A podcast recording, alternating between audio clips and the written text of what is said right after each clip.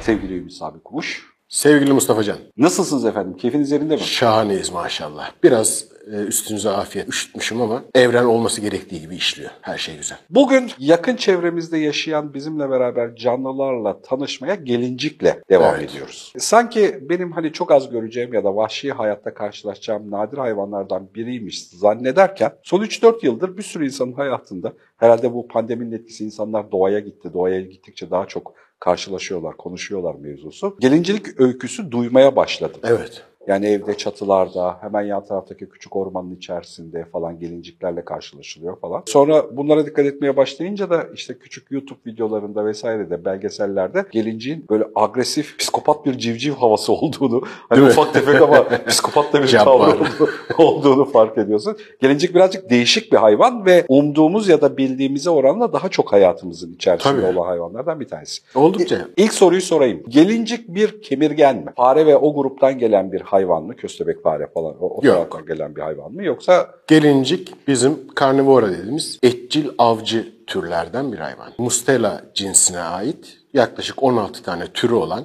dünyaya yayılmış 16 türü olan çok narin, güzel fakat avcı hayvanlar. Yani o psikopat olmalarının altında veya öyle algılanmaların altında avcı olmaları yatıyor. İşte yakın akrabaları işte porsuklar, susamurları, işte ermin, kakım gibi halk içinde adı az bilinen ama zaman zaman kulağa çalınan türlerin de olduğu ve insanlarla yakın yaşamayı seven, birçok tür insanlarla yakın yaşamayı seven avcı türleri. Aslında gelincik konusunu seçmemin altında yatan sebeplerden bir tanesi de biraz önce senin anlattığın gibi Kadıköy'de gezerken metruk bir evin üzerinde bir çift gelinciğin geçtiğini gördüm ve yani o kadar kalabalığın arasında hiç kimse çığlık atmadı, hiç kimsenin dikkatini çekmedi hayvanlar. Kadıköy'de bizle beraber yaşıyorlar yani. o kadar kentin içerisine, şehrin içerisinde de giriyorlar mı? Daha bir vahşi hayvan gibi biliyoruz onu. Nadir oluyor ama giriyorlar, varlar. Yani kasabalarda, köylerde daha çok sık görülüyor. Şehirlerde daha nadir görülüyor ama şehirlerde de var. Kadıköy'ün içinde görmek beni şaşırttı mı? Tabii ki şaşırttı. Ebatları ne kadar oluyor gelinciklerin? Gelinciklerin şöyle güzel bir özelliği var. Demin söyledik ya, gelincikler avcı hayvanlardır. Dünya üzerindeki memeli avcıların en küçüğüdür gelincik. Ortalama yani en çok bulunanı 11 santimetreden başlar. 17, 18, 19 santime kadar gidiyor. En büyüğü de bilinen işte 23-24 santime kadar uzuyor. 11 santim 25 gram ağırlıkta olan psikopat bir avcı. Bayağı yavru kedi gibi yani. Yavru kediden de küçük. E, ince uzundur böyle. Bilinen en küçük avcı etçil E, dünyadaki yayılan türlerinin hepsinde mi böyle? Yani hani bu boy aralığında mı yer alıyor yoksa daha... Üç aşağı beş yukarı bu boy aralığında soğuk iklimlere çıktıkça biraz daha hacmi büyüklüğü artabiliyor. Ama işte 11 santimle maksimum 23 santim arasında değişen 25 gramla 250 gram arasında ebatlara sahip bir hayvan. Oldukça da E, iyi gelinci- avcıdır. gelinciklerin doğada düşmanı var mı? Var tabii. Kendisinden daha büyük olan avcılar için şeydir, bir av kaynağıdır gelincikler. Tilkiler, kurtlar, işte sırtlanlar artık hangi e, avcı grubuyla yaşıyorsa onların menüsünde bulunuyor gelincik. Biraz hani genel olarak gördüğümüz ya da bildiğimiz kadarıyla gerçekten hafif bir mahallenin psikopat abisi gibi bir tavırları var. Yani yılanından aslanına kadar hani küçük belgesellerde gördüğümüz her tür hayvana kafa tutabiliyor, üzerine yürüyebiliyor falan. Özel olarak bir hani hayvanın genel karakteristik özelliklerinin içinde mi var yoksa bu böyle denk gelen bir şey mi? Kazara? Yok genel karakteristiğinde var. Yani davranışlarında da gözlemleme imkanınız olduğu zaman görüyorsunuz herhangi bir tehditle karşılaştığı zaman hemen dikelir yukarı. Hani vücut büyüklüğünü daha büyük göstermek için ayağa kalkar, tüylerini kabartır ve düşmanını korkutmaya çalışır. Çoğu zaman işe yarıyor. İşe yaramadığı yerlerde de zaten av oluyor. E, ama genel bir şey var. Ama hani mesela hani kaçma saklanmaya dayalı davranmıyor da saldırmaya, avlanmaya dayalı davranıyor. Karakteristik olarak Tabii. hani kendinden daha iri birini gördüğünde lan kaybolayım ortadan fıyayım da demiyor. Yani. Yok aslında temel davranış olarak çok güzel kamufle olan bir hayvandır. Biz ona yaz donu, kış donu deriz. Mesela kışın kar yağdığı zaman alpinik sınıra yakın yerlerde veya kar yağan daha alçak yerlerde hemen tüy formunu değiştirir. Bembeyaz olur. E, sadece bazı türlerde kuyruğun ucunda siyah böyle e, arabalardaki yağ ölçme çubukları vardır ya onun gibi ucu siyah kalır geri kalanı bembeyazdır.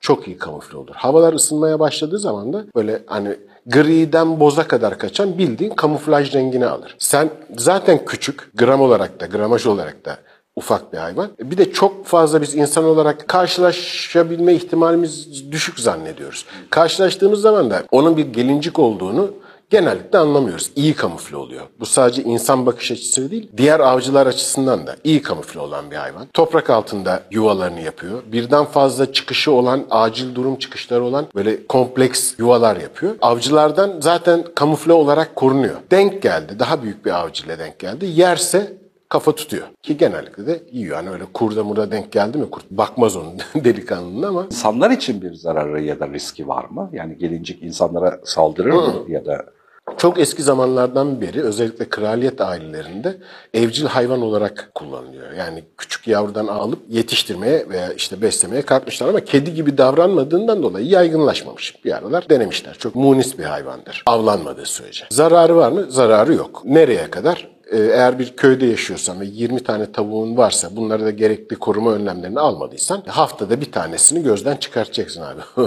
Gelincik onu alır götürür o. gelincik vergisi diye? Tabii.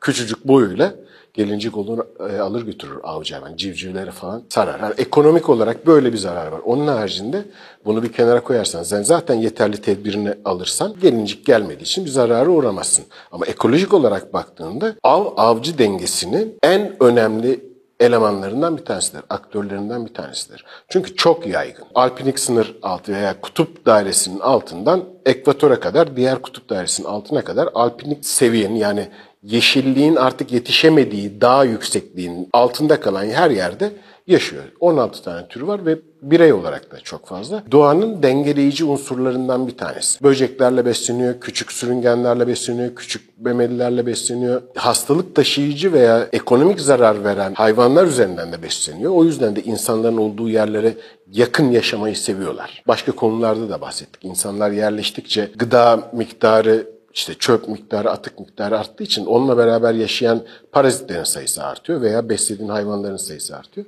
Bunlardan yararlanmak için insana yakın olarak yaşıyor. Korunması gereken ki dünyanın hemen hemen her yerinde bilinç oluştu korunma altında. Ya, zararı olmayan hem estetik olarak hem efsaneler olarak hem mitoloji olarak hem tarih olarak hem de sevimlilik olarak büyük faydaları olan güzel bir arkadaşım. Susamurlarında olduğu gibi kürklerinin bizim için bir değeri yok değil mi? Yani buradan yapılandırdığımız ya da işte onlarla ekonomik e, üretime dayalı bir ilişkimiz yok. Gelincik Artık yok. şey- Artık yok. Eskiden 1700'lü 1600'lü yıllarda tuzak hayvanı olarak kullanılıyordu. Şu anda günümüzde de Alaska'nın bazı bölgelerinde avlanılmasına izin veriliyor gelincin. Kürkünden eldiven yapılıyor. Zaten küçücük bir hayvan. Elbise falan yapmak mümkün değil. Ama Alaska'nın izbe yerlerinde eldiven yapmak için kullanılan av hayvanlarından bir tanesi. Ne yer ne içer? Hani avlanmada etçil. Etçil, avcı, iyi avcı. Doğada insana uzak yerde yaşıyorsa diğer hayvanların yavruları, küçük sürüngenler, kurbağalar, büyük böcekler, işte ne bileyim akrepler, çıyanlar, küçük yılanlar bunların hepsiyle beslenir. Dikkat ettiysen menü hep bizim insan olarak uzak durmaya çalıştığımız canlılardan Hayvan grubu. Evrimsel olarak nasıl bir kökten geliyor? Ve yine bu susamurları, porsuklar, Aynı kökten geliyorlar. kunduzlar Yani falan o, o, o yapıdan geliyor. o yapıdan geliyorlar. E, çoğunlukla biz onları bir tür o kemirgenler grubuyla karıştırıyoruz. Fareler, mareler ama Evet, değil. Değiller. Porsuklar, kurtlar, tilkiler, köpeklerin olduğu ana çatı büyük karnivora grubunun içinde bunların hepsi. Hiçbiri kemirgen değil. Son sorumda duygusal ve sosyal hayatları, seksüel hayatları nasıl? Çocuklarını hangi okula gönderiyorlar?